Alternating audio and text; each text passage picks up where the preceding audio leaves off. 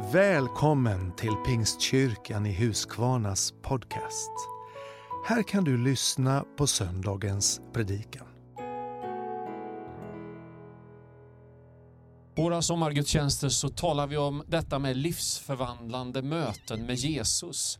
Och eh, jag står här på kyrkans eh, tak med lite utsikt över Huskvarna och jag har några ihärdiga fiskmåsar som eh, flyger ovanför här och så är Amos kameraman idag. Och nu tänkte jag ta dig med i ett sånt möte som Jesus har med en lite speciell person i evangelierna. Han heter Nikodemus. Och eh, jag tänkte att vi, vi gör så att vi går direkt till bibeltexten som vi hämtar ifrån Johannes evangeliet, det tredje kapitlet, de tio första verserna. Bland fariseerna fanns en man som hette Nikodemus och var medlem av judarnas råd. Han kom till Jesus en natt och sa Rabbi, vi vet att det är från Gud du har kommit som lärare. Ingen kan göra sådana tecken som du utan att Gud är med honom. Jesus svarade, sannerligen jag säger dig, den som inte blir född på nytt kan inte se Guds rike. Nikodemus svarade, hur kan någon födas när han är gammal? Han kan väl inte komma in i moderlivet och födas en gång till? Jesus svarade, sannerligen jag säger dig, den som inte blir född av vatten och ande kan inte komma in i Guds rike. Det som har fötts av kött är kött och det som har fötts av ande är ande. Var inte förvånad över att jag sa att ni måste födas på nytt. Vinden blåser vart den vill och du hör den blåsa, men du vet inte varifrån den kommer eller var den far. Så är det med var och en som har fötts av anden. Nikodemus frågade, hur är detta möjligt? Och Jesus svarade, du ska vara lärare för Israel och du förstår inte det. Ett personligt möte med Jesus. Nikodemus han söker upp Jesus på natten. För att beskriva honom så var ju han en lärd man, han var ju medlem av judarnas råd, han var en farisé, och, eh, men han var också nyfiken. Han hade ju sett vad Jesus har gjort och vad han har sagt och han förstår att det är någonting speciellt. Det gör ju väldigt många människor på den här tiden, men en del har en väldigt avog inställning och tror att Jesus kommer liksom med en lära som går i stick i stäv med, med den judiska tron. Nikodemus som är fundersam, han har en del frågor med sig. Nikodemus, han är också berörd. Det finns någonting som har börjat röra vid hans hjärta. Och Nikodemus har många frågor. Och Han besöker ju Jesus den här natten. Och Förmodligen är det så att han inte vill visa någon annan att han har det här intresset, utan han lite grann i skymundan smusslar med sina funderingar kring vem Jesus egentligen är. Och Det är också så att Nikodemus befinner sig i sammanhang där, där man redan visste allt. Han var bland de laglärda som de hade sanningen. De visste hur det låg till. De hade kunde skriften och de kunde de olika rabbinernas tolkningar av olika bibelord. Han, han var liksom i en politiskt korrekt miljö, en riktig PK-miljö utifrån här, den här liksom kulturen och situationen som han befann sig i. Och att börja ställa de här frågorna som Nikodemus gjorde, det var att utmana hela det sammanhang där han stod i. Och det fanns inte utrymme för att ställa de frågorna. Det fanns bara en uppfattning man kunde ha och det var att Jesus var ett problem. Han skulle helst undanröjas och han ställde till det för fariseerna, för de laglärda. Men Nikodemus kunde inte blunda för det som Jesu budskap förde med sig, det som hände i människors liv, det han såg i de under och tecken som skedde. Och han, han förstår att vi, vi, du måste vara från Gud, det är någonting med detta något oemotståndligt som gjorde att han trevade sig fram den där natten till ett personligt möte med Jesus Kristus. Så låt mig skicka med dig några korta punkter. För det första, att tro är en hjärtesak. Nikodemus han, han har tankar och han har frågor och Jesus negligerar inte dem och, och tycker inte de är, är, är oviktiga. Men han går rakt på kärnan och säger att du måste bli född på nytt. Någonting måste ske i ditt hjärta, Nikodemus.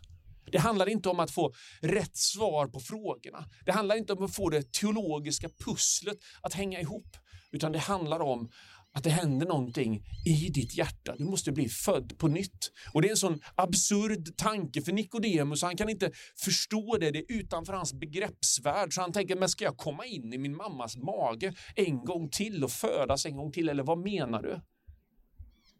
Men Jesus säger att du måste födas av den helige Ande. Tron är en hjärtefråga.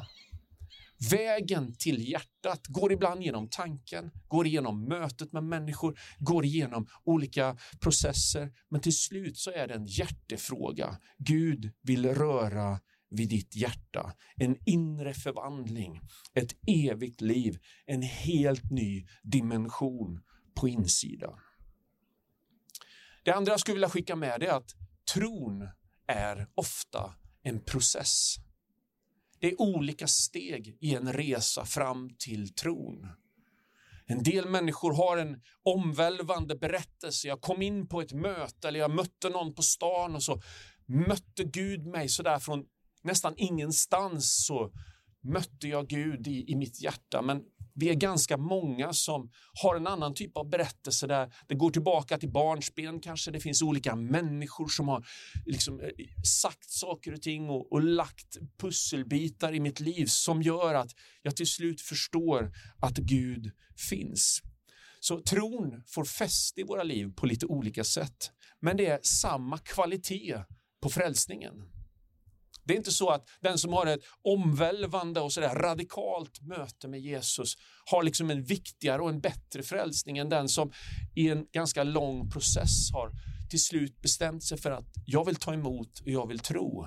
För att tron, den, den är, det är inte våran tro, det är alltså, den bottnar inte i mig, utan tron är en gåva från Gud. Och det är samma gåva till oss alla. Men Gud vet vad du och jag behöver. Han vet hur han ska nå dig. Han vet hur han ska nå och han vet vad du och jag behöver. Vi ser det här hos, hos eh, Nikodemus. Det står lite längre fram i Johannes evangeliet i det sjunde kapitlet och jag ska läsa några verser från vers 45 till 52. Det står så här. När deras folk kom tillbaka frågade översteprästerna och fariseerna varför har ni inte tagit hit honom?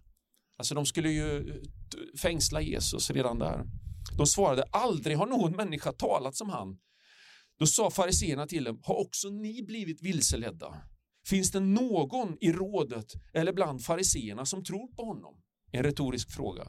Men den stora hopen som inte kan lagen, den som är förtappad, Nikodemus som själv satt i rådet och som tidigare sökte upp Jesus sa, inte dömer väl vår lag någon utan att man först har hört honom och tagit reda på vad han gör.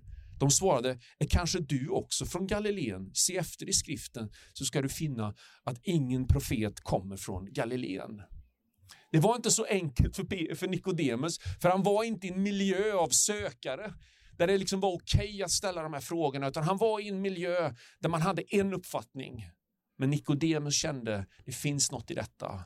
Det berör mig, det händer någonting och han vågar att faktiskt här börja och ställa frågorna också i sitt sammanhang. Att tro är en process. Det tredje, att tro är också att bekänna. Till slut så får tron fäste i vårt liv och vi ber en frälsningsbön eller vi, vi förstår liksom att Gud finns och nu vill jag ta emot honom. Och på olika sätt så, så markeras det där i våra liv och inte minst när jag låter döpa mig, då jag verkligen liksom manifesterar min vilja att följa Jesus och bekräfta det som har hänt på insidan genom att låta döpa mig i vatten. Där liksom så, så får tron ett väldigt tydligt och synligt uttryck återigen till Nikodemus och vi går vidare i Johannes evangeliet och vi kommer till kapitel 19 och nu har Jesus dött där på korset och nu finns hans kropp där på Golgata och någon ska ta hand om den och då står det att läsa i vers 38. Josef från Arimataya som var lärjunge till Jesus fast i hemlighet av rädsla för judarna bad efteråt Pilatus att få ta ner Jesu kropp. Pilatus tillät det och Josef gick och tog ner kroppen. Nikodemus kom också dit. Han som första gången hade sökt upp Jesus på natten och han hade med sig en blandning av myrra och aloe, omkring 30 kilo. De tog Jesu kropp och lindade den med linnebindlar tillsammans med kryddorna så som judarna brukar göra vid en gravläggning. Intill platsen där Jesus hade blivit korsfäst fanns en trädgård och i trädgården en ny grav som ännu ingen hade blivit lagd i. Där lade de Jesus eftersom det var den judiska förberedelsedagen och graven låg nära. Här kommer också Josef och Nikodemus. Två hemliga lärjungar, två som inte har velat bekänna sin färg. Men nu, i det här läget, inför allas åsyn, så tar de hand om Jesu kropp. De vördar honom när han är, ligger där slagen, pinad, dödad för deras synders skull. Bekännelsen den var inte i det här läget muntlig, utan de visade den med sitt liv. Vi tror på den här mannen. Vi älskar den här mannen. Vi vördar den här mannen och vi vill följa honom. Så Nikodemus tar till slut steget ut i en full bekännelse. Både Josef och Nikodemus hade sin tro i en liksom inre process som kanske inte syntes så mycket utåt. Men vid det här tillfället så fick den tro som hade tagit sin boning i hjärtat också en bekännelse, en munnens och kroppens och handlingens bekännelse. Paulus säger så här i Romarbrevet kapitel 10 och vers 9 10. Ty om du med din mun bekänner att Jesus är Herre och i ditt hjärta tror att Gud har uppväckt honom från de döda, då skall du bli räddad. Hjärtats tro leder till rättfärdighet och munnens bekännelse till räddning. Så när du och jag säger vår bekännelse så visar det på vår tro.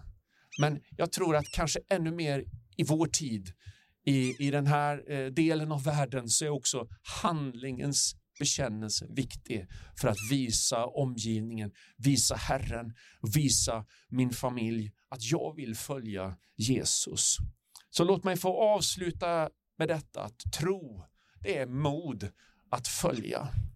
Tron har en process. Det är en hjärtefråga. Den ser lite olika ut, den där vägen ser lite olika ut för oss, men till slut så får den fäste om du vill, om du vill ta emot den i ditt liv.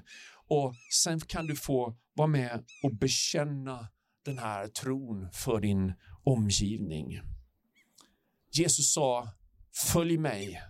Och lärjungarna de lämnade det de hade för handen och de började vandra med Jesus. Nikodemus, han var en liten slow starter. Han hade en lite längre process än kanske flera av de här galileiska olärda männen som var lite mer impulsiva. Men till slut så fick tron fäste även i Nikodemus hjärta. Och jag skulle bara vilja önska att du också tar emot Jesus i ditt liv. Låter han få bli en del av dig.